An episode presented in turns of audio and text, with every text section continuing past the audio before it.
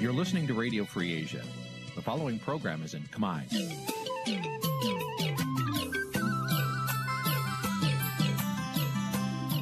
នេះជាកម្មវិធីផ្សាយ Vuthu Azizi Serai នេះជាកម្មវិធីផ្សាយរបស់ Vuthu Azizi Serai ជាភាសាខ្មែរ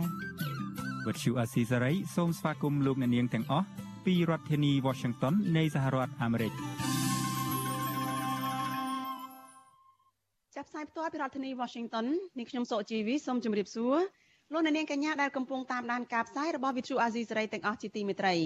ចា៎យើងខ្ញុំសូមជូនកម្មវិធីផ្សាយសម្រាប់យប់ថ្ងៃអាទិត្យ12រោចខែចេឆ្នាំខាលចត្វាស័កពុរសករាជ2566ចាប់ត្រូវនៅថ្ងៃទី26ខែមិថុនាគ្រិស្តសករាជ2022ចាជាដំបូងនេះសូមអញ្ជើញលោកអ្នកនាង ស្ដាប់ព័ត៌មានប្រចាំថ្ងៃដែលមានមេត្តាដូចតទៅ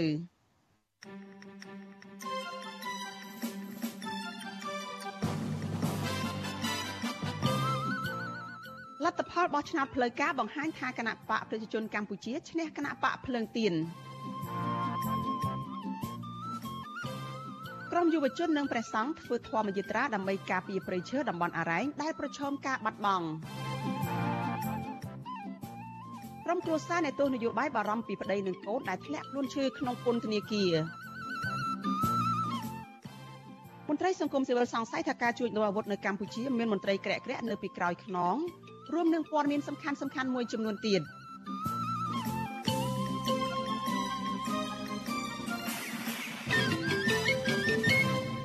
ចាជាបន្តទៅទៀតនេះនាងខ្ញុំសុជីវីសូមជូនព័ត៌មានទាំងនេះពិស្ដាចលនានាងកញ្ញាប្រិយមិត្តជាទីមេត្រីចាគណៈកម្មាធិការជាតិរៀបចំការបោះឆ្នោតហៅកាត់ថាកោជបនៅថ្ងៃទី26ខែមិថុនានេះចាប់ប្រកាសលទ្ធផលផ្លូវការនៃការបោះឆ្នោតជ្រើសរើសក្រុមប្រឹក្សាឃុំសង្កាត់អាណត្តិទី5 ដែលបានប្រព្រឹត្តទៅកាលពីថ្ងៃទី5ខែមិថុនាឆ្នាំ2022នេះចលនាផលផ្លូវការបង្ហាញថាគណៈបកប្រជាជនកម្ពុជាឈ្នះគណៈបកភ្លើងទៀនចាលោកថាថៃរាយការណ៍ព័ត៌មាននេះលទ្ធផលផ្លូវការពីការបោះឆ្នោតជ្រើសរើសក្រុមប្រឹក្សាឃុំសង្កាត់អាណត្តិទី5 ដែលកោជបប្រកាសនៅថ្ងៃទី26មិថុនាបង្ហាញថាគណៈបកប្រជាជនកម្ពុជាឈ្នះនាំមុខគណៈបកផ្សេងផ្សេងដែលទទួលបានតំណែងមេឃុំចៅសង្កាត់ចំនួន1648នាក់គណៈបកភ្លឹងទៀនទទួលបានតំណែងមេឃុំចំនួន4នាក់នៅខេត្តកំពង់ធំនិងខេត្តកំពង់ចាមក្រៅពីមេឃុំគណៈបកប្រជាជនកម្ពុជាទទួលបានតំណែងជំទប់ទី1ចំនួន1618នាក់ជំទប់ទី2ចំនួន261នាក់ រីឯគណៈបកភ្លឹងទៀនវិញគណៈបកនេះទទួលបានតំណែងជំទប់ទី1ចំនួន25នាក់និងជំទប់ទី2ចំនួន1360នាក់តួលេខនេះគឺគណៈបកភ្លឹងទៀនដណ្ដើមបានជិត2200អាសនៈក្រុមប្រឹក្សាឃុំសង្កាត់បន្ទាប់ពីគណៈបកទាំងពីរគណៈបកហ្វុនស៊ីមពេចទទួលបានតំណែងជំទប់ទី1ចំនួន4នាក់ជំទប់ទី2ចំនួន12នាក់គណៈបកផ្នែករូបរួមជាតិទទួលបានតំណែងជំទប់ទី1ចំនួន1នាក់និងជំទប់ទី2ចំនួន10នាក់ គណៈបកប្រជាធិបតេយ្យមូលដ្ឋាននិងគណៈបកផ្នែកស្រឡាញ់ជាតិទទួលបានតំណែងជំទប់ទី1ចំនួន2នាក់ជំទប់ទី2ចំនួន2នាក់ដូចគ្នាគណៈបកយុវជនកម្ពុជាទទួលបានតំណែងជំទប់ទី2ចំនួន3នាក់ទន្ទឹមគ្នានេះគណៈបកកម្ពុជានិយមនិងគណៈបកសម្បុកឃុំសង្គមប្រជាធិបតេយ្យទទួលបានតំណែងជំទប់ទី2ចំនួន1នាក់ដូចគ្នាស្របពេលកោជបប្រកាសលទ្ធផលផ្លូវការនេះអ្នកនាំពាក្យគណៈបកប្រជាជនកម្ពុជាលោកសុកអេសានថ្លែងថា គណៈបករបស់លោកត្រេកអរទទួលយកលទ្ធផលនេះហើយចាត់ទុកថាបានកើតចេញពីការបោះឆ្នោតដោយសេរីត្រឹមត្រូវពិតប្រាកដអញ្ចឹងយើងយល់ថាការបោះឆ្នោតហ្នឹងប្រព្រឹត្តទៅដោយរលូនដោយសន្តិវិធីហើយមានរបៀបរៀបរយក្នុងបរិយាកាសមួយដែលប្រជាពលរដ្ឋទទួលបានទាំងអស់គ្នាបាទចំពោះអ្នកដែលគេយល់ឃើញថាមានបញ្ហាមិនប្រក្រតីមួយចំនួននោះអានឹងជាការយល់ឃើញរបស់គេ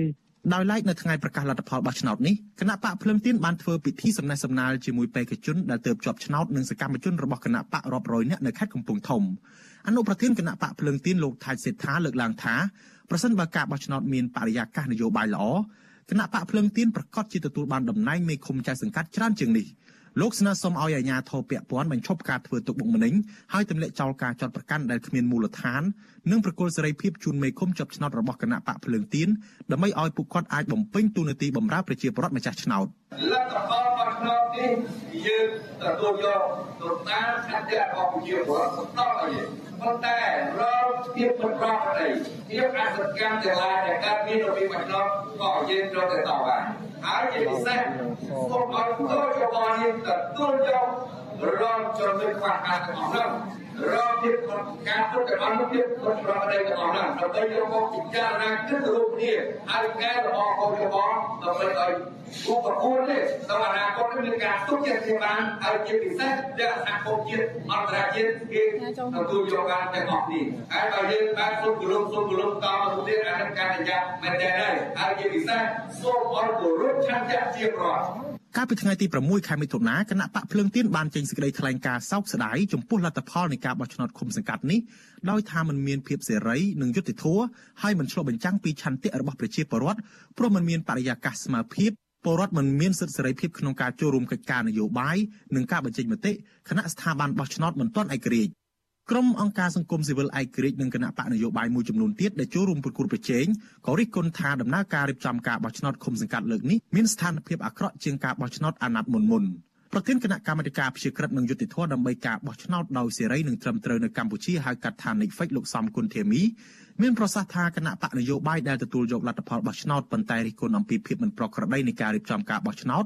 គូតែរួមគ្នាដាក់សំណើទៅគោជបដើម្បីឲ្យមានការកែលម្អចំណុចខ្វះខាតឡើងវិញ។ យើងដាក់សំណើទៅធ្វើជាបនដើម្បីចំធ្វើវិសោធនកម្មណាបទជានីតិវិធីច្បាប់បោះឆ្នោតណាបាទដើម្បីឲ្យការបោះឆ្នោតលើកក្រោយទៅវាប្រសើរឡើងវិញកុំឲ្យវាមានបញ្ហាដូចលើកនេះណាបាទហើយចំណុចមួយទៀតគឺលទ្ធផលបោះឆ្នោតនេះណាយើងមានឃើញគណៈបកច្រើនដែរ8 9ដែលមានអសនៈក្នុងក្រុមប្រឹក្សាណាក្នុងគុំប្រកាសណាបាទយើងឃើញមានភាពជឿនលឿនច្រើនដោយសារយើងចង់ឃើញមានគណៈបកចម្រុះមានអសនៈនៅតាមបណ្ដាឃុំប្រកាសជាជាងមានគណៈបកមួយដូច្នេះយើង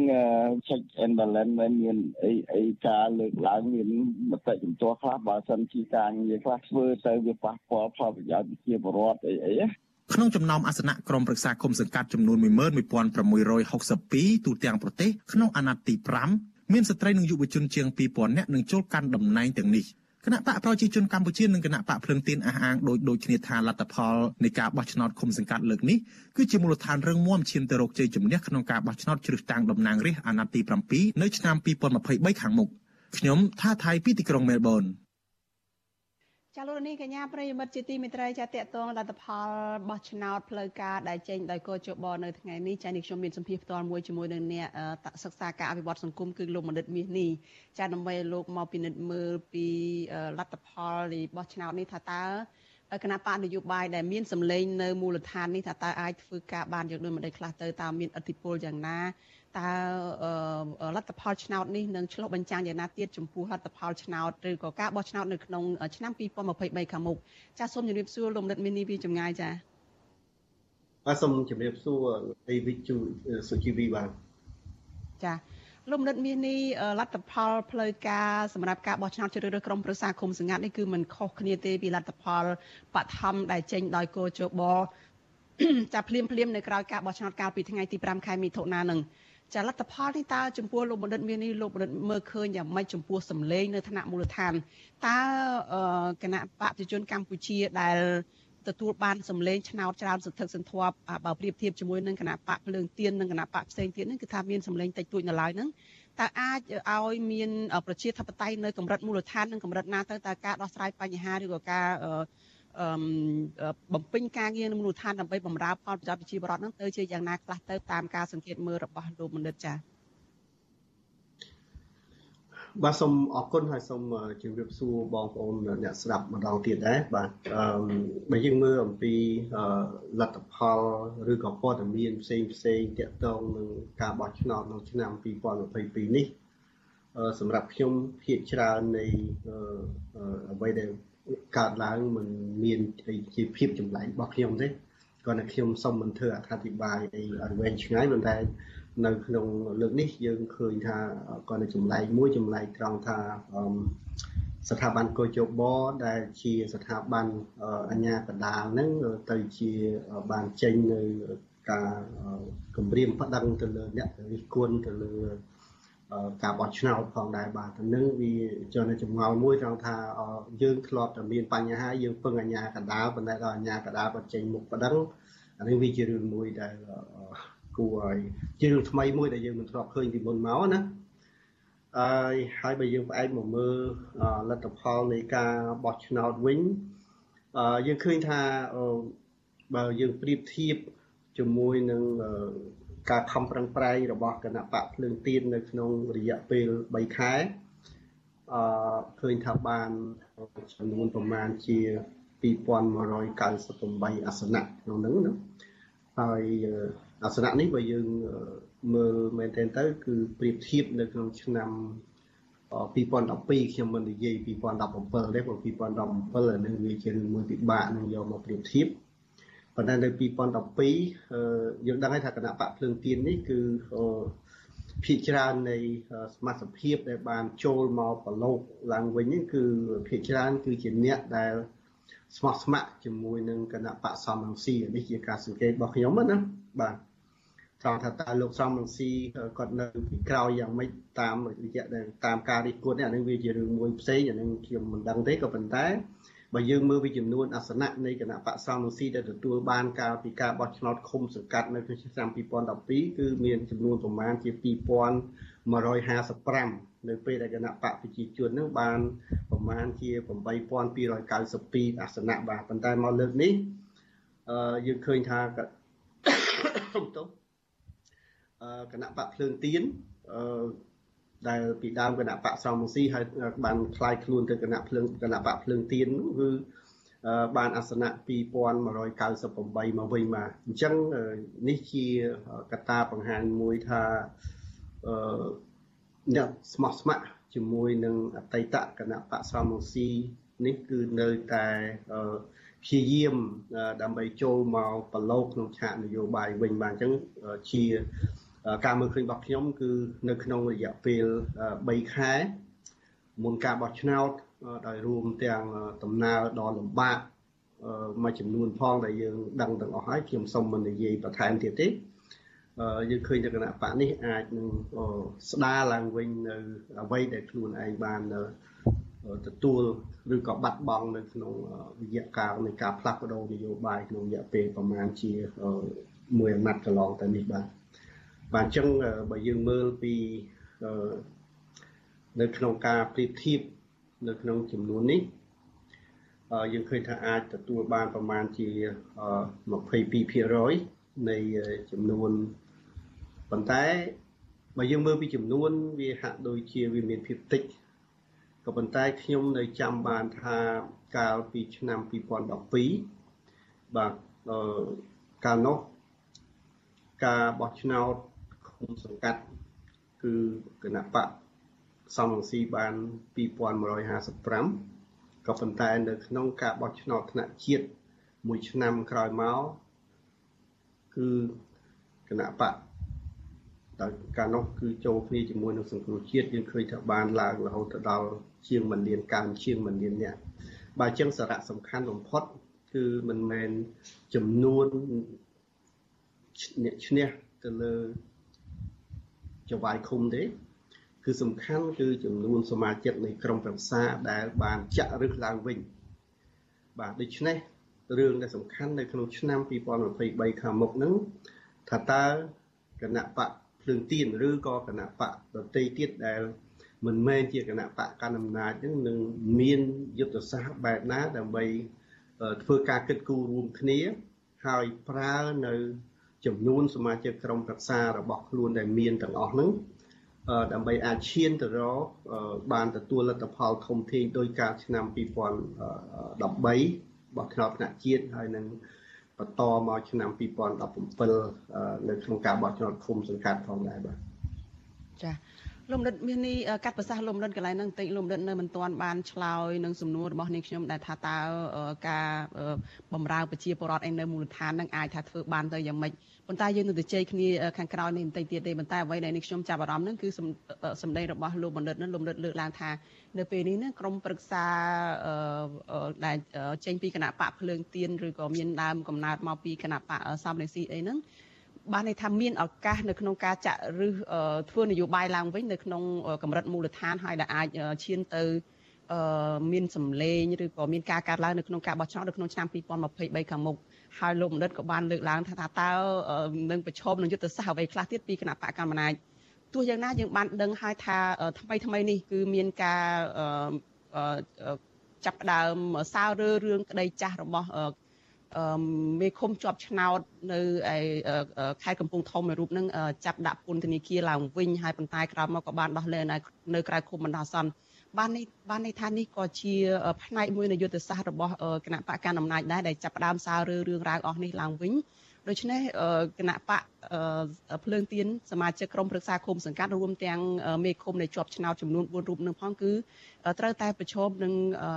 បញ្ហាដែលការធ្វើទុកបុកម្នេញផ្នែកនយោបាយនឹងយ៉ាងពិតប្រាកដហើយតើចំពោះលោកមនិតវិញថា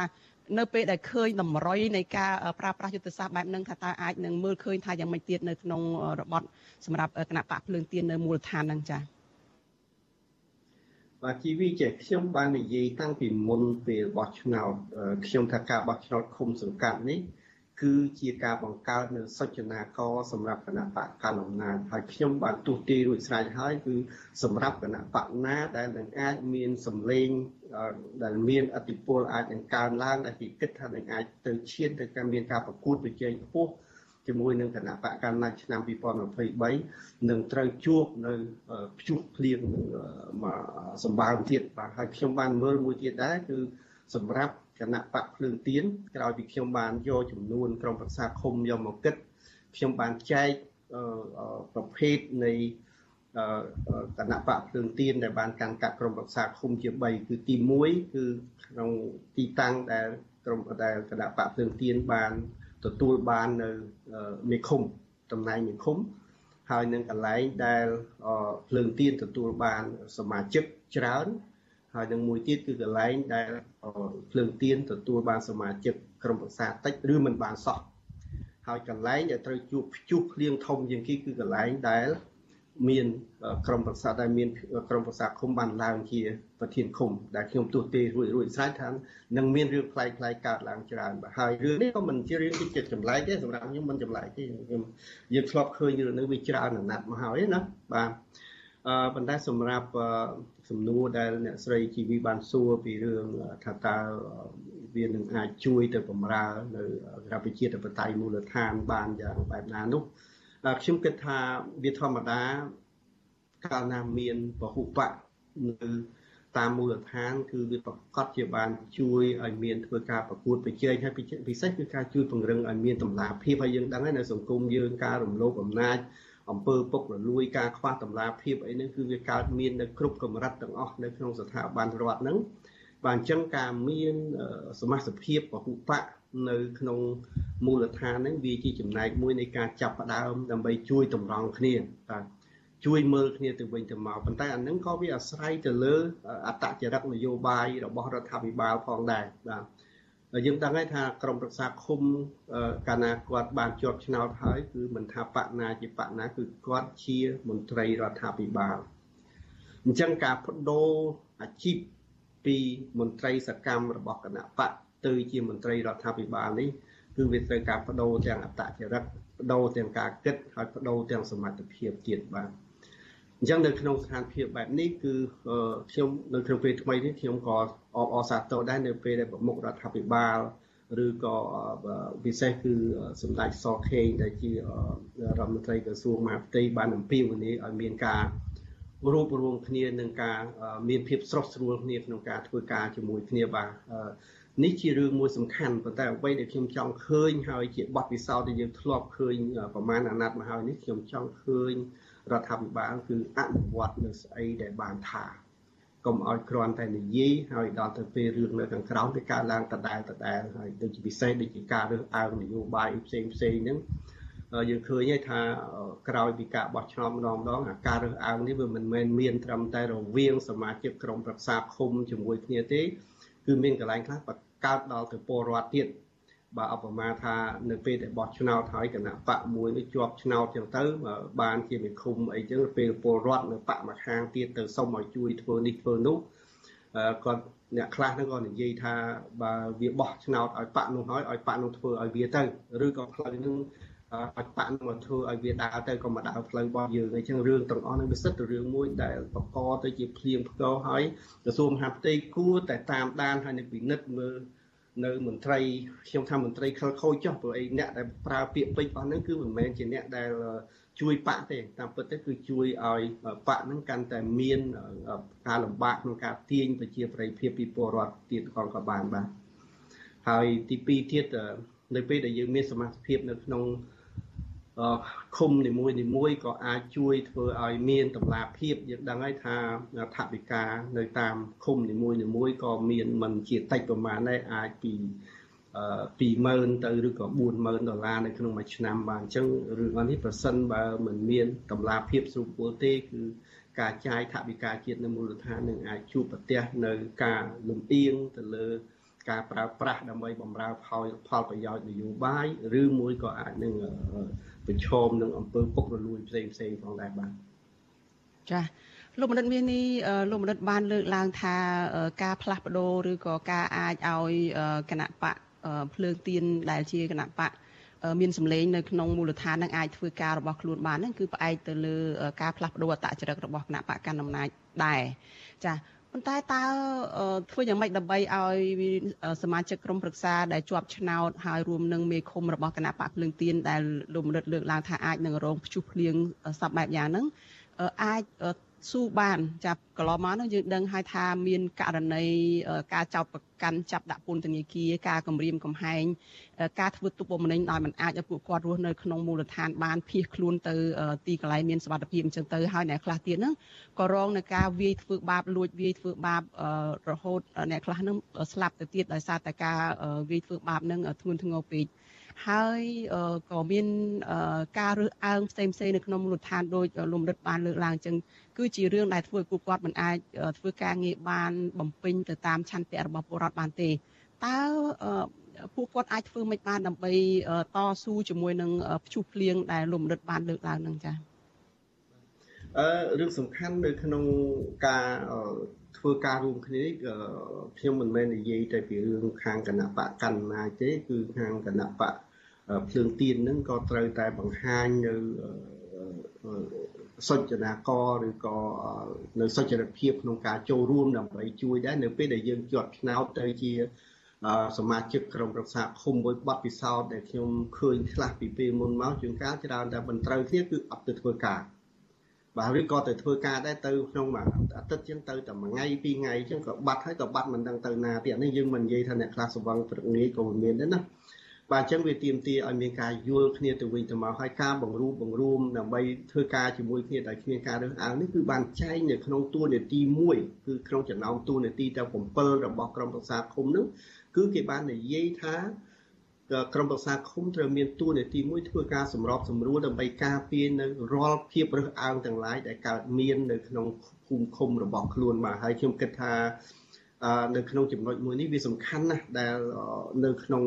សង្កាត់ណាឬឃុំណាដែលមានមេឃុំជាគណៈបកកាន់អំណាចឬក៏មេឃុំដែលជាគណៈបកភ្លើងទៀនហ្នឹងគឺត្រូវយកតួនាទីមួយទៅពិនិត្យមើលថាតើខ្លួនត្រូវធ្វើអីខ្លះដើម្បីផ្សះផ្សានៅការរើសអើងនានាដែលកើតមានឡើងពីមុនមកហើយរួមគ្នាធ្វើការហើយការសម្របសម្រួលធ្វើការរួមគ្នានេះគឺមិនមែនត្រឹមគិតតែពីរឿងសម្របសម្រួលនៅក្នុងភូមិឃុំទៅដល់អ្នកភូមិអ្នក អ្នកស្រុកទេគឺសំខាន់គឺការធ្វើសម្របសម្រួលនឹងថ្មីឲ្យគ្នាយើងដែលនៅក្នុងក្រុមប្រឹក្សាឃុំអឺជាសមាជិកក្រុមប្រឹក្សាឃុំទាំងគ្រប់គណៈបកហ្នឹងគឺអាចធ្វើការជាមួយគ្នាដែលបង្ហាញនៅភាពគំរូមួយដល់ពលរដ្ឋដែលធ្វើឲ្យពលរដ្ឋហ្នឹងមានភាពកក់ក្ដៅយើងដឹងហើយថានៅពេលដែលក្រុមប្រឹក្សាឃុំបានคล้ายទៅជាមន្ត្រីរបស់រដ្ឋគឺពលរដ្ឋតែងតែហៅគាត់ថាគាត់ជាឪពុកម្ដាយបាទប៉ុន្តែបើសិនជាឪពុកម្ដាយនឹងមិនត្រូវគ្នាទេ ណាចុះទៅកន្លែងណានាំគ្នាវាយប្រហារគ្នាក្រោយខ្នងគ្នា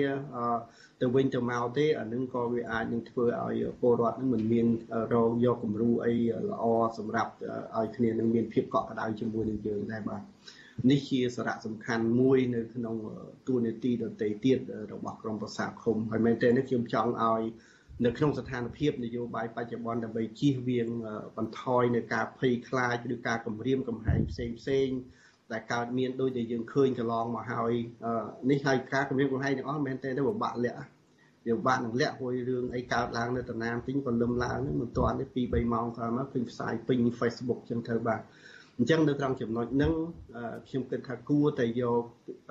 ចំណុចនៃទួលនីតិមួយក្នុងការផ្សះផ្សាឬក៏ការបង្រួបរួមគ្នាដើម្បីធ្វើឲ្យដំណើរការនៃការធ្វើការជាមួយគ្នាមានភាពរលូនយកទៅដាក់ទី1ខាងលើជា ជាកត្តាឬក៏ជាទួលនីតិអតិភិបមួយហើយកាលណាយើងបានអានឹងមួយខ្ញុំគិតថាយើងនឹងអាចធ្វើការជាមួយគ្នារួមគ្នាតទៅមុខទៀតបានបាទហើយ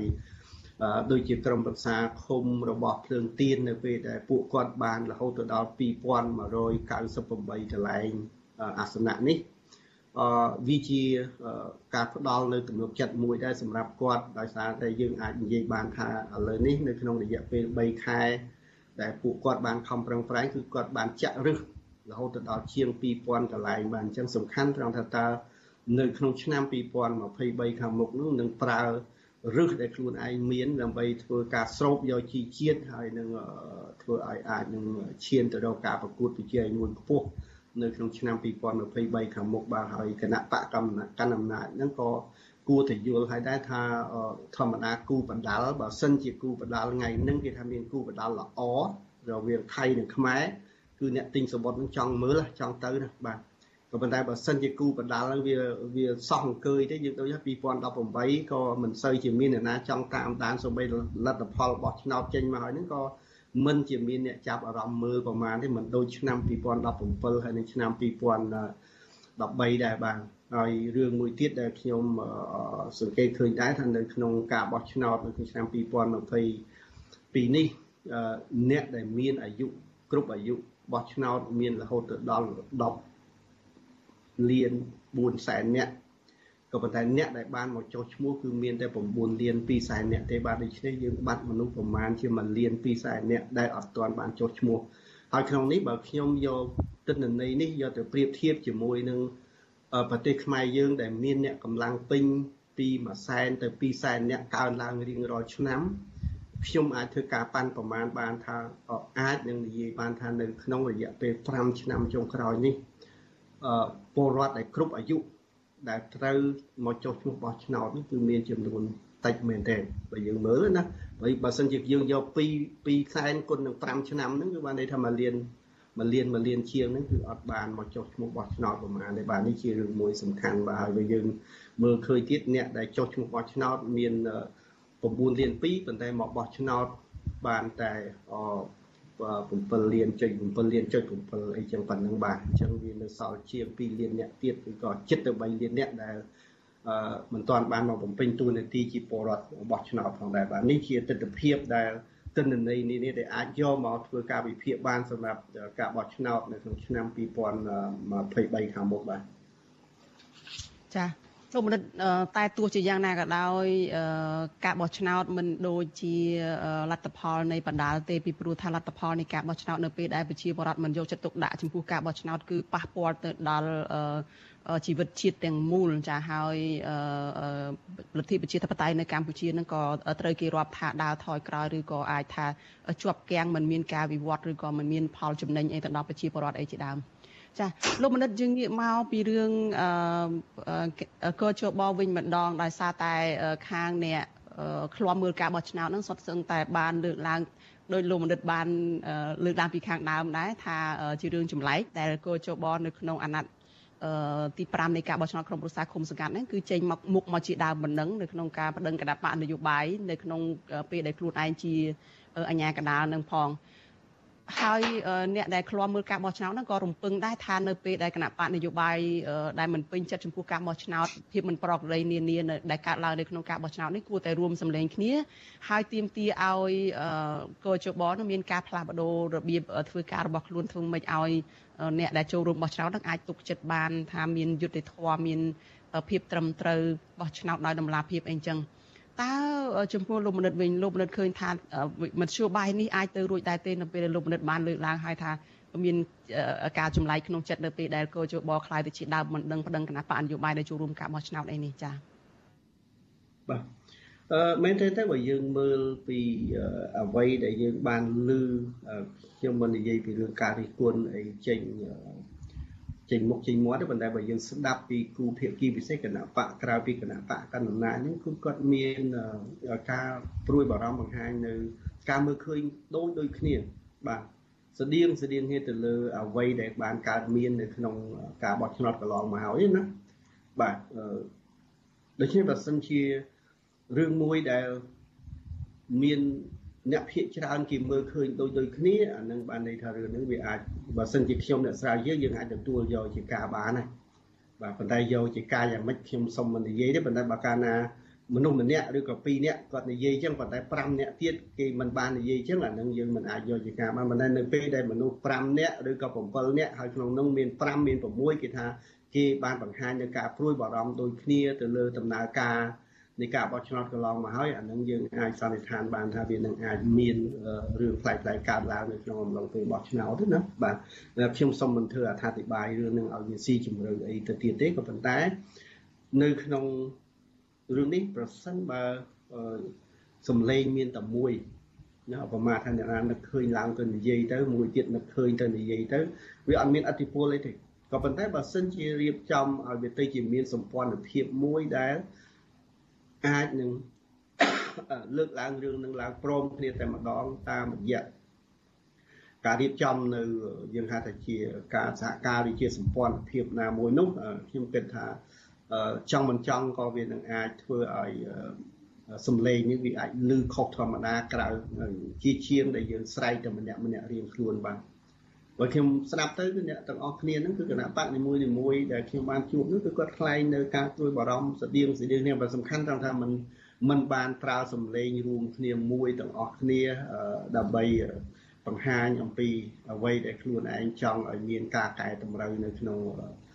ពេលខាងក្រោយទៀតហ្នឹងបាទហើយបើសិនជាយើងថាអត់ចង់ទៅដូរគោជបអីទាំងស្រុងតែម្ដងខ្ញុំឃើញថាកលៈទេសៈបែបនេះ គឺគណៈបកកម្មាមិនអនុញ្ញាតឲ្យយន្តការមួយនេះលបោចេញពីដៃគាត់ទេខ្ញុំមានជំនឿថាចឹងបាទប៉ុន្តែប្រហែលជាអាចប្រសិនបើគណៈបកដែលក្រៅពីគណៈបកកណ្ដាលអំណាចមើលឃើញបញ្ហារួមណាបើយើងនិយាយពីភាសាតាហ៊ានគេថាសត្រូវរួមមិនដែរនេះយើងមិនមែនជាសត្រូវទេប៉ុន្តែបើយើងមើលថាជាបញ្ហារួមទាំងអស់គ្នាយើងអាចជួបគ្នាគិតទាំងអស់គ្នាទៅហើយបើសិនជានិយាយយើងនិយាយក្នុងសម្លេងភាកច្រើនទៅគិតថាអឺ បើកោជបគាត់ប្តឹងទៅលើគណៈបកទាំងអស់ហ្នឹងប្តឹងទៅមានតែជាប់គុកទាំងអស់ហើយបើជាប់គុកគណៈបកទាំង4ទាំង5នឹងជាប់ទាំងអស់គ្នាអាហ្នឹងវាជារឿងមួយកាន់តែសម្បើមចោលទៅទៀតទៅបាទបាទនេះជាការមើលឃើញរបស់ខ្ញុំខ្លះខ្លះបាទចាលោកបណ្ឌិតឧបមាថាការរួមសម្លេងរបស់គណៈបកនយោបាយនឹងធ្វើឲ្យមានការផ្លាស់ប្ដូរមែនទៅចុះហើយធ្វើឲ្យកោជបនឹងអាចទៅជាស្ថាប័នដែលរឹងមាំដែលឯករាជ្យដែលអាច អឺធានាការបោះឆ្នោតមួយដែលអាចទទួលយកបានដោយនៅក្នុងឆ្នាំ2017អញ្ចឹងទៅចោះហើយនៅក្នុងថ្នាក់មូលដ្ឋានហ្នឹងក៏មានគណៈបកនយោបាយដែលមានកម្លាំងដូចជាគណៈបកភ្លើងទៀនអាចថាបដំបសំមកប្រគួតប្រជែងនៅក្នុងវេទិកាបោះឆ្នោតនឹងជាមួយនឹងគណៈបកកណ្ដាលអំណាចតើគណៈបកកណ្ដាលអំណាចអាចប្រើប្រាស់មធ្យោបាយ ប្រវត្តិសាស្ត្រច្រាំដែលអាចនឹងថាទៅរំលាយគណៈបកភ្លើងទៀនឡើងវិញជាថ្មីម្ដងទៀតដោយការរំលាយគណៈបកសង្គ្រោះជាតិដែរទេចា៎នៅក្នុងឆ្នាំ2023ខាងមុខអឺខ្ញុំគិតថាបើនិយាយអំពីរឿងការដើរចូលទៅប្រវត្តិសាស្ត្រច្រំដែលខ្ញុំគិតថាវាអាចនឹងកើតរឿងច្រំដែលឡើងវិញក៏ប៉ុន្តែសម្រាប់ អ្នកដែលដើរចូលទៅក្នុងកន្លែងច្រំដែលនឹងបើសិនជាដឹងថាទៅច្រកនឹងវានឹងកើតរឿងច្រំដែលមកវិញហើយតើត្រូវអ្នកដែលដើរច្រកត្រូវតែបដូរយុទ្ធសាស្ត្រយ៉ាងម៉េចដែរឬក៏យើងដឹងថាបើសិនជាច្រកនឹងវាទៅច្រំដែលហើយយើងនៅតែដើរតាមនឹងទៅទៀតដោយកដោធ្លាក់ចូលក្នុងអង្គប់អានឹងអានឹងវាជារឿងនឹងមិនមែនតើកដោឆោតឬក៏អង្គប់ឆោតអឺដូច្នេះបើសិនជាយើងមើលអំពីទស្សនវិជ្ជានឹងគឺយើងដឹងហើយថាអឺ គណៈបកសង្គ្រោះជាតិនៅពេលដែលសង្គ្រោះជាតិទៅតែឯងបាទគឺពេលនោះយើងឃើញថានៅពេលដែលមានព្យុះភ្លៀងមកធំមកមួយ គឺយើងឃើញថាស្ងាត់មង្គលមង្គលបាទបើចឹងជារឿងមួយដែលយើងត្រូវគិតតែដូចខ្ញុំខ្ញុំមើលចឹងតែភ្លើងទៀននេះបើសិនជាក្រោយពីការបោះឆ្នោតដែលខ្ញុំបានជម្រាបជូនពីមុនបន្តិចចឹងថាខ្ញុំបានទុះទាយតាំងពីមុនពេលបោះឆ្នោតខ្ញុំថាការបោះឆ្នោតឃុំសង្កាត់វាជាសុចនាករមួយដែលបង្ហាញឲ្យ គណៈបកកណ្ដាលអំណាចដើម្បីពិនិត្យមើលថាតើ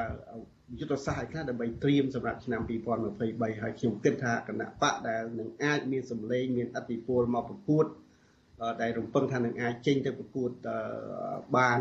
ខ្ពស់ជាមួយនឹងគណៈបកកម្មានឹងអាចទទួលរងនៅភ្ជុំភ្លៀងធំធំទៀតតម្រង់នៅដល់ឆ្នាំ2023ណា បាទដូច្នេះតំណឹងគឺវាជារឿងមួយដែលអ្នកនយោបាយក្រៅពីគណៈបកកម្មាគណៈបកនយោបាយក្រៅពីគណៈបកកម្មានេះគឺអឺត្រូវពិចារណាឡើងវិញព្រោះឥឡូវនេះយើងឃើញថាសំបីតែគណៈបកភ្លើងទៀនដែលខំប្រឹងនេះយើងមិនវិលបានត្រឹមតែទៅរកទ្របដើមរបស់ខ្លួនឯងពីមុនឡើងវិញនៅឡើយទេបាទហើយបើយើងឈានចង់បើគាត់ចង់ឈានទៅដល់ឡើងរហូតទៅដល់ អ្វីដែលជាព្រឹត្តិការណ៍នៅក្នុង2013ឬ2017វិញគឺនៅផ្លូវឆ្ងាយណាស់បាទហើយផ្លូវឆ្ងាយនេះបើសិនជាធ្វើការដំណើរតែម្នាក់ឯងអាចនឹងជួបប្រទះឧបសគ្គច្រើនទៀតនៅតាមដងផ្លូវបាទហើយគណៈបកដតីទៀតដែលនៅក្នុងអតីតគណៈបកសង្គ្រោះជាតិក៏ឃើញថាពួកគាត់បានចេញមកបង្កើតគណៈបកតូចតូច គណៈបកផ្សេងផ្សេងនេះប៉ុន្តែនៅក្នុងការបោះឆ្នោត2022នេះគឺពួកគាត់បានដឹងអំពីថាតើកម្លាំងរបស់ពួកគាត់មួយមានប៉ុណ្ណាហើយថាតើត្រូវធ្វើអីទៀតនៅក្នុងនៅក្នុងពេលខាងមុខបាទអានេះជាទស្សនវិជ្ជាសំខាន់ដែលខ្ញុំមើលសម្រាប់2023បាទហើយនៅក្នុងឆ្នាំ2023នេះវាគណៈបកនីមួយនីមួយហ្នឹងទាំងគណៈបកកាន់ម៉ានេះគឺទីមួយសំខាន់គឺធ្វើម៉េចដើម្បី ធ្វើការបង្កើនឬក៏ដាល់រអ្នកគ្រប់គ្រងនៅឲ្យបានច្រើនថែមទៀតទាំងធ្វើការរួមគ្នាឬបង្កើនសម្ព័ន្ធភាពអីរួមគ្នានោះអានឹងវាជាយុទ្ធសាស្ត្រដែលពួកគាត់អាចដើរបានហើយអឺដើម្បីធ្វើការប្រកួតជាមួយនឹងយន្តការកោជបបើសិនជាពួកគាត់គិតថាមិនទុកចិត្តអានឹងគឺមានតែការបង្កើតសមត្ថភាពនៃការពង្រាយនៅអ្នកសង្កេតការដែល មានទាំងសមត្ថភាពមានទាំងចំនួនគ្រប់គ្រាន់ហើយមានទាំងធនធានគ្រប់គ្រាន់សម្រាប់ពង្រាយអ្នកសង្កេតការឬក៏រៀបចំអ្នកសង្កេតការថ្មីឲ្យបានដល់ទៅតាមមូលដ្ឋានឬការិយាល័យបោះឆ្នោតដើម្បីត្រួតពិនិត្យឲ្យបានត្រឹមត្រូវកុំឲ្យដល់ទៅពេលបោះឆ្នោតគ្រាន់តែបោះឆ្នោតហើយភ្លាមគេមិនទាន់នឹងបានរាប់សិលឹកឆ្នោតផងនាំគ្នាមកជក់បរិយនៅក្រៅបន្ទប់អស់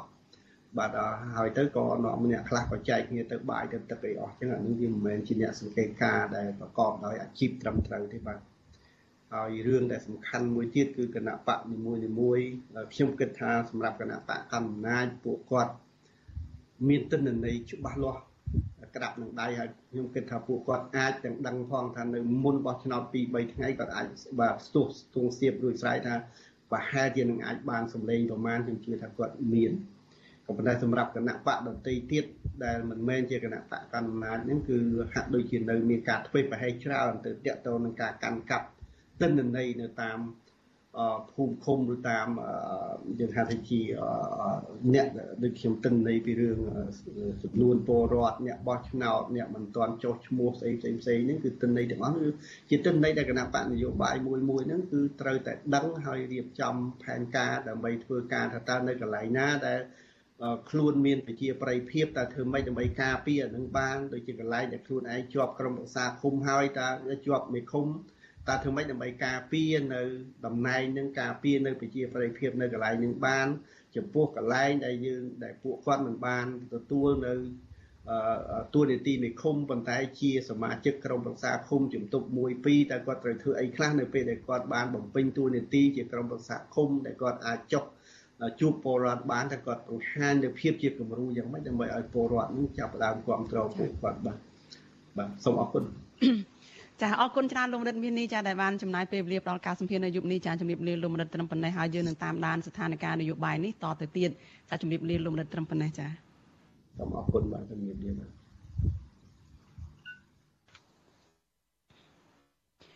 ចាលោកនាងកញ្ញាប្រិយ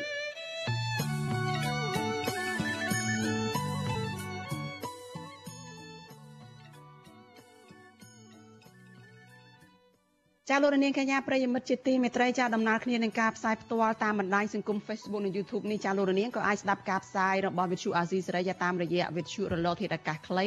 ចា SW តាមកម្រិតនិងកម្ពស់ដូចតទៅនេះពេលព្រឹកចាប់ពីម៉ោង5កន្លះដល់ម៉ោង6កន្លះចាតាមរយៈរលកធាតុអាកាសខ្លី12140 kHz ស្មើនឹងកម្ពស់ 25m និង13715 kHz ស្មើនឹងកម្ពស់ 22m ពេលយប់ចាប់ពីម៉ោង7កន្លះដល់ម៉ោង8កន្លះ តាមរយៈរលកធាតុអាកាសខ្លី9960 kHz ស្មើនឹងកម្ពស់ 30m 12140 kHz ស្មើនឹងកម្ពស់ 25m និង11885 kHz ស្មើនឹងកម្ពស់ 25m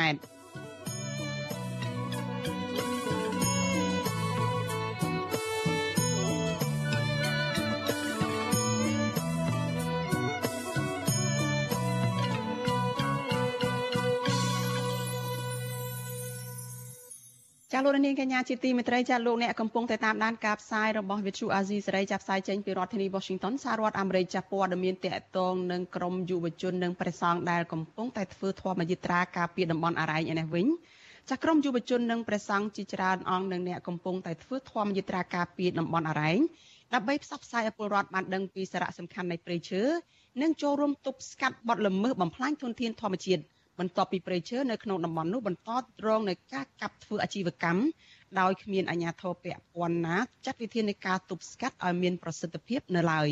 ចលនាជីវតារាយការណ៍អំពីរឿងនេះប្រសង់និងក្រុមយុវជនខ្មែរថាវរៈប្រមាណ30នាក់ចាប់ផ្ដើមធ្វើធម្មយាត្រានៅតំបន់អរ៉ៃក្នុងស្រុកថ្មបាំងខេត្តកោះកុងនៅថ្ងៃទី26ខែមិថុនានេះ ប្រសង់និងក្រុមយុវជននិមន្តឬដើរថ្មើរជើងចម្ងាយប្រមាណ15គីឡូម៉ែត្រដោយដៃកាន់ទង់ជាតិទង់ព្រះពុទ្ធសាសនាព្រមទាំងលើកបដាសរសេរអំពីទស្សនៈផ្សេងផ្សេងក្នុងនោះមានសារស្នើដល់រដ្ឋាភិបាលឲ្យគោរពសិទ្ធិសេរីភាព និងអនុញ្ញាតឲ្យក្រុមយុវជនចូលរួមយ៉ាងសកម្មក្នុងការការពារថែរក្សាសម្បត្តិធម្មជាតិបើអ្នកបំផ្លាញព្រៃឈើស្មើនឹងអ្នកបំផ្លាញជីវិតរបស់អ្នកនិងសូមបញ្ឈប់បទល្មើសព្រៃឈើ អភិរក្សព្រៃឈើគឺជាកាតព្វកិច្ចរបស់យើងទាំងអស់គ្នា ជាដើមធម្មយាត្រានេះសមត្ថកិច្ចមូលដ្ឋានខេត្តកោះកុងជាច្រើនអ្នកចុះស្ទាក់សាកសួរនិងថតរូបប្រមាណ5នាទីប៉ុន្តែអាជ្ញាធរមិនបានហាមឃាត់ពិធីធម្មយាត្រារបស់ក្រុមយុវជននេះទេតំណាងក្រុមយុវជនខ្មែរថាវរៈលោកហ៊ុនវណ្ណៈលើកឡើងថាគោលបំណងនៃការរៀបចំកម្មវិធីធម្មយាត្រាដើរឆ្លងកាត់ភូមិមួយចំនួនលើកនេះ ដើម្បីជំរុញឲ្យពលរដ្ឋយល់ដឹងពីតម្លៃធនធានធម្មជាតិដែលមានសក្តានុពលសម្បូរបែបសម្រាប់ទាក់ទាញភ្ញៀវទេសចរជាតិនិងអន្តរជាតិរួមទាំងផ្ដល់ប្រភពចំណូលមិនចេះរីងស្ងួតជួយដល់ជីវភាពរបស់ពលរដ្ឋក្នុងសហគមន៍ឲ្យមានជីវិតរស់នៅប្រសើរឡើង និងជួយគ្នាថែរក្សាធនធានទាំងនោះឲ្យបានគង់វង្សសម្រាប់មនុស្សចំនួនក្រោយលោកហ៊ុនវណ្ណៈឲ្យដឹងបន្ថែមថា កន្លងទៅក្រមយុវជនរកឃើញដើមកុកីដែលដុះតាមបណ្ដោយដងស្ទឹងអរ៉ែងរងការកាប់ផ្ដួលដឹកជញ្ជូនធ្វើអាជីវកម្មដោយគ្មានការទប់ស្កាត់លើសពីនេះលោកថាបច្ចុប្បន្នការដឹកជញ្ជូនឈើចេញពីតំបន់អរ៉ែងមិនទាន់ធូរស្រាលនៅឡើយទេ ដែលទាមទារឲ្យយុវជនដាក់ផែនការចុះប្រចាំការដើម្បីរួមជាមួយសហគមន៍រកវិធីទប់ស្កាត់បទល្មើសព្រៃឈើទាំងនេះ។ ការសម្រេចចិត្តនិងការលះបង់របស់ប្រសង់និងយុវជន ថាចុះមកស្នាក់នៅហើយនឹងប្រចាំការការពារព្រៃឈើនេះគឺដោយសារពួកយើងយល់ឃើញពីសារៈសំខាន់ព្រៃឈើដែលត្រូវបានគេកាប់ជារៀងរាល់ថ្ងៃនេះបើសិនជាយុវជនយើងប្រសង់យើងបានចូលរួមកាន់តែច្រើនដូច្នេះយើងអាចថែរក្សាការពារតំបន់នេះក៏បានខ្លាំងបានល្អដែរហើយគឺយើងអាចនឹងមាន ការដល់ឱកាសឲ្យពួកយើងបានគិតគូរនិងរកមធ្យោបាយជួយសហគមន៍នេះបានតាមរយៈកម្មភាពផ្សេងផ្សេងទៀតវិទ្យុអាស៊ីសេរីមិនអាចតាក់ទងแนะនាំពាក្យក្រសួងបរិស្ថានលោកនេតភក្ត្រានិងអភិបាលខេត្តកោះកុងអ្នកស្រីមិថុនាភូថងដើម្បីបំភ្លឺរឿងនេះបាននៅឡើយទេនៅថ្ងៃទី26មិថុនាទោះជាយ៉ាងណាអ្នកស្រីមិថុនាភូថងបានប្រាប់វិទ្យុអាស៊ីសេរីកាលពីថ្ងៃទី25មិថុនាថា អញ្ញាធរខេត្តស្វាគមន៍វត្តមានយុវជននិងព្រះសង្ឃធ្វើសកម្មភាពចូលរួមចំណែកការពារធនធានធម្មជាតិនៅតំបន់អរ៉ែងដោយគ្មានការរារាំងពីសំណាក់សមត្ថកិច្ចនោះទេអ្នកស្រីជំរុញឲ្យក្រុមយុវជនរាយការណ៍មកអាជ្ញាធរមូលដ្ឋានបើសិនពួកគេជួបប្រទះភាពមិនប្រក្រតីឬការកាប់ទន្ទ្រានព្រៃឈើនៅតំបន់នោះដើម្បីអាជ្ញាធរចាត់វិធានការតាមផ្លូវច្បាប់ ចំណែកមន្ត្រីជាន់ខ្ពស់ផ្នែកតស៊ូមតិគម្រោងអ្នកការពារព្រៃឈើនៃសមាគមបណ្ដាញយុវជនកម្ពុជាលោកសាន់ម៉ាឡាឲ្យដឹងថាបទល្មើសព្រៃឈើបន្តកើតឡើងកន្លងទៅ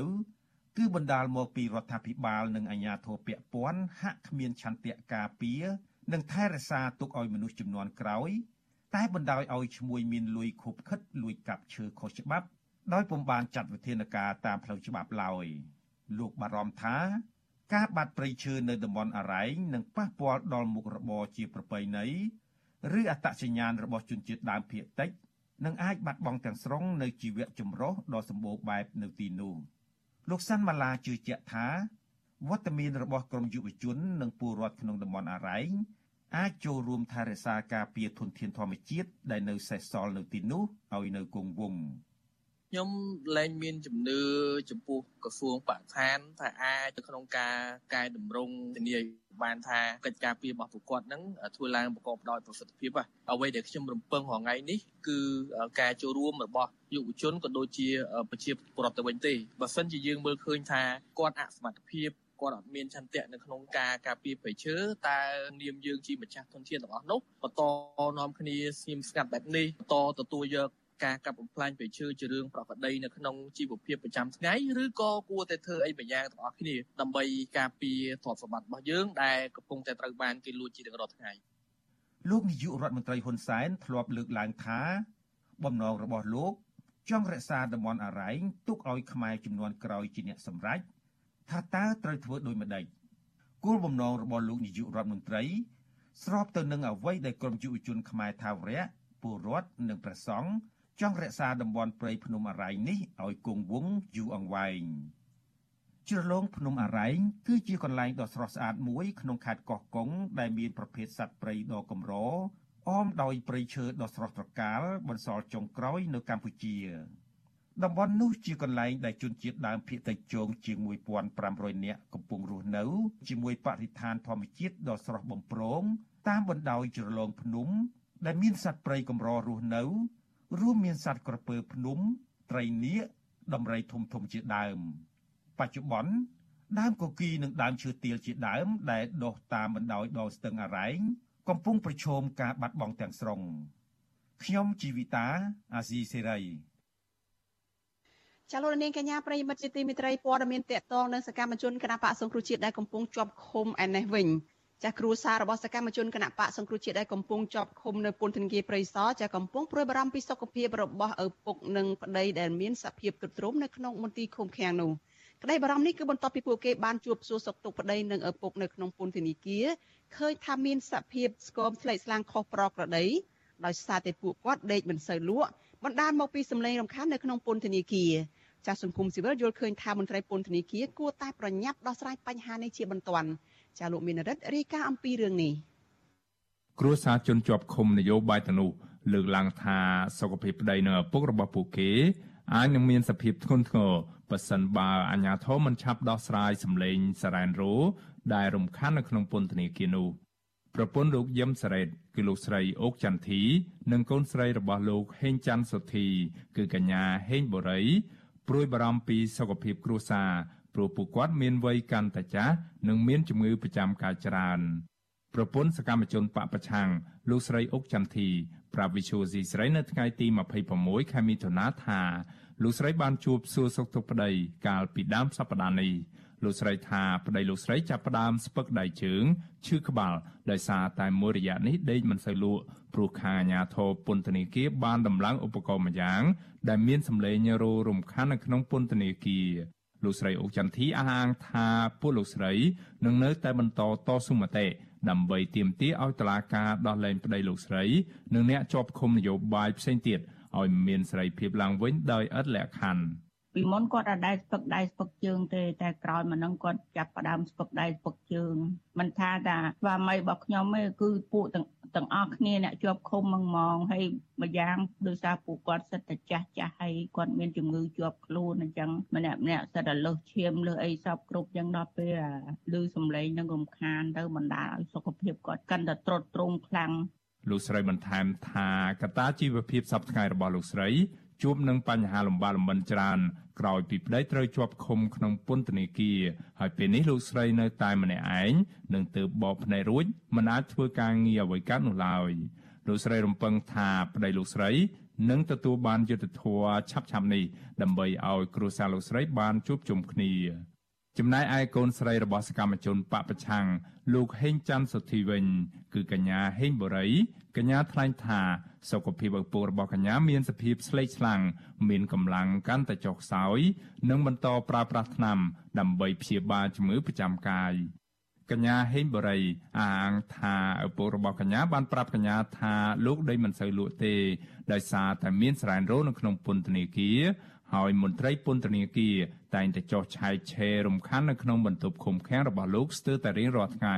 ឃើញថាសុខភាពគាត់មានការចុះការអោយចឹងផងដែរហើយក៏បានលើគាត់និយាយផងដែរថាហើយអាសាមានការបុកបន្ទប់ក៏ដូចជាភាសាសាមញ្ញគេថាឆាយឆេរចឹងបងខាងខាងលើគេមកឆាយឆេរក្នុងបន្ទប់របស់គាត់ក៏ដូចជាជូរឬក៏រើអីវ៉ែអីវ៉ាន់ក្អៅគាត់អីទៅជួអលាស់ពេញណាពេញណីចឹងបងហើយរឿងមួយទៀតគឺបញ្ហាគាត់និយាយថាមានការដាក់ដូចជាចិត្តវិទ្យុសកម្មនៅក្នុងបន្ទប់របស់គាត់ដែលវាជាសម្លេងរំខានដែលធ្វើឲ្យគេថាប៉ះពាល់សេចអារម្មណ៍របស់គាត់ការគិតរបស់គាត់ក៏ដូចជាជាពិសេសរំខានទៅដល់ការសម្រានរបស់គាត់ផងដែរបងដែលថាវាធ្វើឲ្យប៉ះពាល់ខ្លាំងទៅដល់សុខភាពគាត់តែម្ដងបងកញ្ញាហេងបរិយអំពាវនាវទៅដល់ស្ថាប័នតុលាការនិងរដ្ឋាភិបាលឲ្យដោះលែងជនជាប់ឃុំមនសិការទាំងអស់ដោយឥតលក្ខខណ្ឌព្រោះពួកគាត់គ្មានទោសកំហុសហើយសុទ្ធសឹងតែជាអ្នកស្អាតសមកញ្ញាហេងបរិយបន្ថែមថាកញ្ញាសូមស្នើឲ្យមន្ត្រីតុលាការ ធ្វើឲ្យបានត្រឹមត្រូវដោយអ្វីដែលខ្លួនបានសច្ចាប្រណិធានមុននឹងចូលកាន់តំណែងដែលឈលលើគោលការណ៍ត្រឹមត្រូវនិងយុត្តិធម៌ដើម្បីពលរដ្ឋគ្រប់រូបវិសុវស៊ីស្រីមិនអាចតកតងแนะនាំពីអគ្គនាយកដ្ឋានពន្ធនាគារលោកនុតសាវណ្ណាដើម្បីបញ្ជាក់ជុំវិញរឿងនេះបានទេដោយទូរស័ព្ទហៅចូលតែមិនមានអ្នកទទួលជុំវិញរឿងនេះនាយកទទួលបន្ទុកកិច្ចការទូតទៅនៃអង្គការលីកាដូលោកអំសមាត លោកយល់ឃើញថាប៉ះសិនបើមន្ត្រីពន្ធនាគារបំពាក់ឧបករណ៍ឬប្រព័ន្ធបច្ចេកវិទ្យានៅក្នុងពន្ធនាគារនោះពួកគេត្រូវសិក្សានិងបញ្ជាក់ឲ្យបានច្បាស់លាស់ដើម្បីជៀសវាងកុំឲ្យប៉ះពាល់ទៅដល់សុខភាពអ្នកជាប់ឃុំលោកអំសមាតថាអង្គការរបស់លោកនឹងបន្តតាមដានពីផលប៉ះពាល់ទាក់ទងទៅនឹងការបំពាក់ឧបករណ៍ដែលមានសម្លេងរោរំខានថាតើអាចប៉ះពាល់ដល់សុខភាព និងសិទ្ធិរបស់អ្នកជាប់ឃុំឬទេ លោកបន្តថាខាងពន្ធនាគារគួររិះរកវិធីសាស្ត្រផ្សេងៗទៀតក្នុងការកាត់បន្ថយផលប៉ះពាល់ដល់សុខភាពអ្នកជាប់ឃុំ។ យើងដឹងថាពន្ធនាគារគឺឥឡូវនេះគឺមានភាពចង្អៀតណែនខ្លាំងអញ្ចឹងបើសិនជាមានការបំពាក់ប្រព័ន្ធបច្ចេកវិទ្យាដើម្បីធ្វើការគ្រប់គ្រងហើយមានសម្លេងធ្វើការរំខានទៅដល់អ្នកដែលជាប់ឃុំដែលធ្វើឲ្យគាត់គេងមិនលក់ឬក៏អាចរំខាននៅការគេងឬការសម្រាករបស់ពួកគាត់នៅក្នុងបន្ទប់ហ្នឹងអាហ្នឹងវាប៉ះពាល់សម្រាប់សុខភាពបន្ថែមទៅទៀតណាបាទហ្នឹងគឺទាមទារឲ្យមានការសិក្សានិងការស្រាវជ្រាវហើយការបញ្ជាក់ឲ្យច្បាស់លាស់ដែរបច្ចុប្បន្នមានសកម្មជនគណបកប្រឆាំងនឹងអ្នកបញ្ចេញមតិរិះគន់រដ្ឋាភិបាលប្រមាណ60នាក់កំពុងជាប់ឃុំនៅពន្ធនាគារក្រុមអង្គការជាតិអន្តរជាតិជាច្រើនស្ថាប័នរួមទាំងទីភ្នាក់ងារអង្គការសហប្រជាជាតិនិងក្រុមប្រទេសនិយមប្រជាធិបតេយ្យធំធំមួយចំនួនផង បានថ្កោលទោសជាបន្តបន្ទាប់ចំពោះរដ្ឋាភិបាលលោកនាយរដ្ឋមន្ត្រីហ៊ុនសែនដែលចាត់ទុកថាការចាប់ខ្លួនសកម្មជនទាំងនេះគឺជារឿងនយោបាយ គ្មានមូលដ្ឋានច្បាប់ច្បាស់លាស់និងបន្តទៀមទាឲ្យដោះលែងសមាជិកគណៈបពប្រឆាំងនិងអ្នកជាប់ឃុំដោយសារតែមូលហេតុនយោបាយដើម្បីឲ្យពួកគេមានសេរីភាពឡើងវិញដោយឥតលក្ខខណ្ឌខ្ញុំបានមេរិត Visual C ស្រី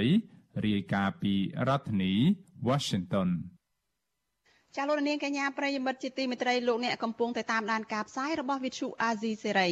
ចាព័ត៌មានតកតងនឹងការជួញដូរអាវុធខុសច្បាប់ឯនេះវិញ មន្ត្រីអង្គការសង្គមស៊ីវិលលើកឡើងថាករណីជនបរទេសមករស់នៅកម្ពុជា ដែលមានកាន់កាប់អាវុធនៅក្នុងដៃយ៉ាងអនាធិបតេយ្យ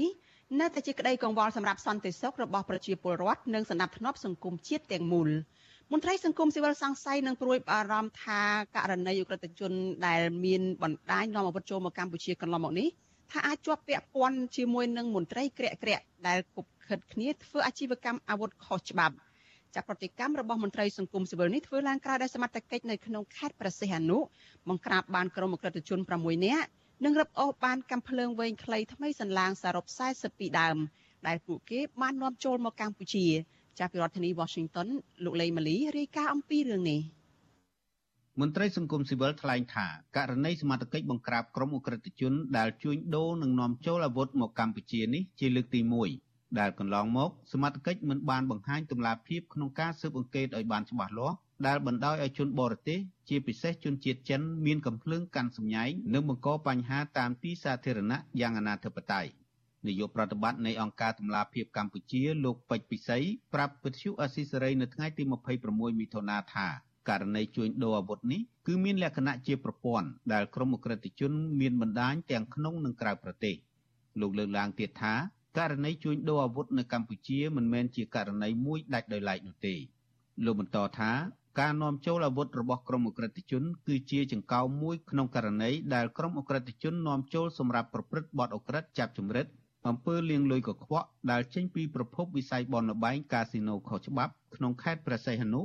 និងករណីជួញដូរគ្រឿងញៀនជាដើម។ បញ្ហានេះអាជ្ញាធរខេត្តគួរតែបង្កើននៅការយកចិត្តទុកដាក់ខ្ពស់ចំពោះការបង្ក្រាបបទល្មើសហើយស៊ើបអង្កេតទ្រង់ទ្រាយធំជាប្រព័ន្ធដើម្បីស្វែងរកឫសគល់ឲ្យឃើញដើម្បីយើងដោះបញ្ហាហ្នឹងឲ្យត្រូវបើសិនជាយើងមានបទក្រិតមួយយើងដោះមួយគឺអាចដោះ ធំធំហើយជាប្រព័ន្ធបានទេអញ្ចឹងប្រហែលជាត្រូវការការពង្រឹងថែមនៅការស៊ើបអង្កេតហើយខ្ញុំគិតថាតើតើមានការបង្កើននៅជំនាញជំនាញនៃការស៊ើបអង្កេតទ្រង់ទ្រាយធំហើយប្រហែលជាត្រូវការបច្ចេកទេសជំនួយដៃគូមួយចំនួនដែលអាចមានសមត្ថភាពជួយយើងនៅក្នុងការស៊ើបអង្កេតប្រតិកម្មរបស់មន្ត្រីសង្គមស៊ីវិលរូបនេះគឺកើតមានក្រោយពីក្រុមអក្រិតជនជនជាតិចិន និងវៀតណាមដែលមានគ្នាជាង10នាក់កាលពីយប់ថ្ងៃទី15មិថុនា បានទាស់ពាក្យសម្ដីគ្នាជាមួយអ្នករត់ម៉ូតូកង់3ម្នាក់ដែលជាជនជាតិខ្មែរនិងបានដកកំភ្លើងបាញ់ភ្ជុងអ្នករត់កង់3រូបនោះស្ថិតក្នុងខេត្តព្រះសីហនុភ្លាមភ្លាមក្រោយកើតហេតុក្រុមក្រិតជនទាំងនោះបានដកកំភ្លើងបាញ់រះទៅលើក្រុមសមត្ថកិច្ចពេលចុះបង្ក្រាបដែលបណ្ដាលឲ្យសមត្ថកិច្ចម្នាក់រងរបួសធ្ងន់តើតើនឹងក្រុមអក្រិតជនដកកំភ្លើងបាញ់សមត្ថកិច្ចនេះស្នងការនគរបាលខេត្តព្រះសីហនុលោកជួននរិនប្រាប់វិទ្យុអស៊ីសេរីថាក្រោយមានហេតុការណ៍នោះ សមត្ថកិច្ចបានបន្តស្រាវជ្រាវដោយឃាត់ខ្លួនមេខ្លោងដែលនាំអាវុធមកកម្ពុជាចំនួន6នាក់និងរពោសបានកំភ្លើងវែងខ្លីថ្មីសន្លាងសរុបចំនួន42ដើមក្នុងនោះមានអាវុធស្វ័យប្រវត្តិចំនួន11ដើមក្រៅពីអាវុធកែច្នៃចំនួន31ដើមព្រមទាំងគ្រាប់កំភ្លើងជាច្រើនគ្រាប់និងឧបករណ៍ជួសជុលកំភ្លើងមួយចំនួនធំលោកបញ្ជាក់ថាអាវុធទាំងនោះមានឈ្មោះទុច្ចរិតក្នុងស្រុកកំងទិញពីជនខិលខូចឆ្លងដែនតាមប្រទេសជិតខាងកម្ពុជា ក្រៅពីនេះលោកថាអក្រិតជនចំនួន6នាក់ដែលសមត្ថកិច្ចបានឃាត់ខ្លួន ក្នុងនោះមានអ្នកបញ្ជាទិញអ្នករកស៊ីឈ្មោះកណ្ដាលនិងអ្នកដែលនាំចូលតាមច្រកព្រំដែនទោះជាយ៉ាងនេះក្តីលោកជួននរិនអះអាងថាក្រុមអក្រិតជនដែលមានអាវុធប្រើប្រាស់នាពេលកន្លងទៅនេះសមត្ថកិច្ចនឹងនៅតែបន្តបើកការស៊ើបអង្កេតជាបន្តបន្ទាប់ទៀត អ្វីដែលនៅពាក់ព័ន្ធនឹងនីតិវិធីយើងបានបន្តជាមួយអាដាមប្រញ្ញាបន្តបន្តមិនមែនយើងបោះចោលការស្រាវជ្រាវស៊ើបអង្កេតទេគឺករណីវិធានការរបស់យើងវាដាច់ដានវាមិនចម្លែកទេបទល្មើសលើពិភពលោកខ្លះបទល្មើសក្រិតកើតឡើងមក10ឆ្នាំមិនទាន់បានចាប់បានដូច្នេះការចន្លោះប្រហោងខាងណាក៏មានដែរអឺវាមិនសម្រាប់តែយើងទេគឺថាសមត្ថកិច្ចមានវិជ្ជាជីវៈត្រឹមត្រូវហើយរាល់បទល្មើសយូរយូរកើតម្ដងនេះយើងមិនដែលថាក្រាបមិនបានទេគឺថាសមត្ថកិច្ចទូទាំងប្រទេសគឺថាទប់ស្កាត់មិនបានបើកើតយើងត្រូវតែបង្ក្រាបឲ្យបានជុំវិញរឿងនេះដែរមន្ត្រីសង្គមស៊ីវិលជំរុញដល់រដ្ឋាភិបាលថាគួរតែមានការពង្រីកសមត្ថភាពមន្ត្រីតាមច្រកព្រំដែនបន្ថែមនិងត្រូវវែកមុខអ្នកមានលុយមានអំណាចនិងមន្ត្រីអាជ្ញាធរខុបខិតគ្នាជាមួយក្រុមអ ுக ្រិតជននាំចូលអាវុធមកកម្ពុជាសម្រាប់ធ្វើអាជីវកម្មនេះនាយកទទួលបន្ទុកកិច្ចការទូតនៃអង្គការលីកាដូលោកអំសំអាតមានប្រសាសន៍ថា បើករណីជួញដូរអាវុធនៅតែបន្តកើតឡើងគ្មានការទប់ស្កាត់ច្បាស់លាស់គឺជាបញ្ហាគ្រោះថ្នាក់ដល់សុវត្ថិភាពសន្តិសុខសង្គមជាតិទាំងមូល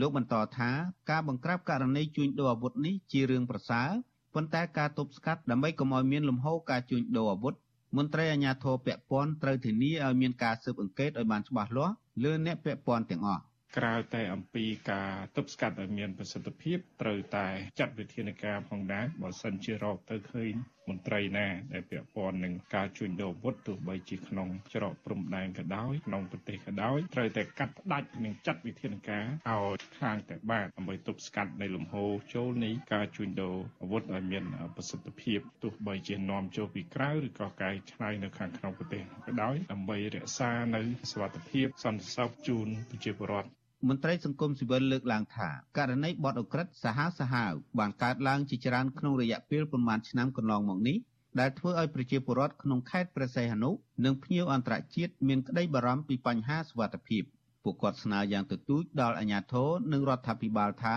ត្រូវតែមានចំណាត់ការឲ្យបានម៉ឺងម៉ាត់ចំពោះក្រុមអក្រិតជន ជាពិសេសជនជាតិចិនដែលតែងតែមានអាវុធប្រើប្រាស់ក្នុងការចាប់ជំរិតនិងគំរាមកំហែងដល់ពលរដ្ឋនៅក្នុងខេត្តព្រះសីហនុ នាពេលកន្លងមកនេះខ្ញុំបាទលេងម៉ាលីវិទ្យុអស៊ីសេរីរាយការណ៍ពីរដ្ឋធានី Washington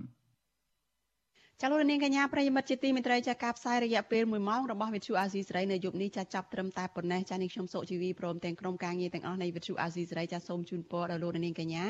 ឲ្យជួបប្រកបតែនឹងសេចក្តីសុខចាចម្រើនរុងរឿងកុំបីឃ្លៀងឃ្លាតឡើយចានេះខ្ញុំសូមអរគុណនិងសូមជម្រាបលា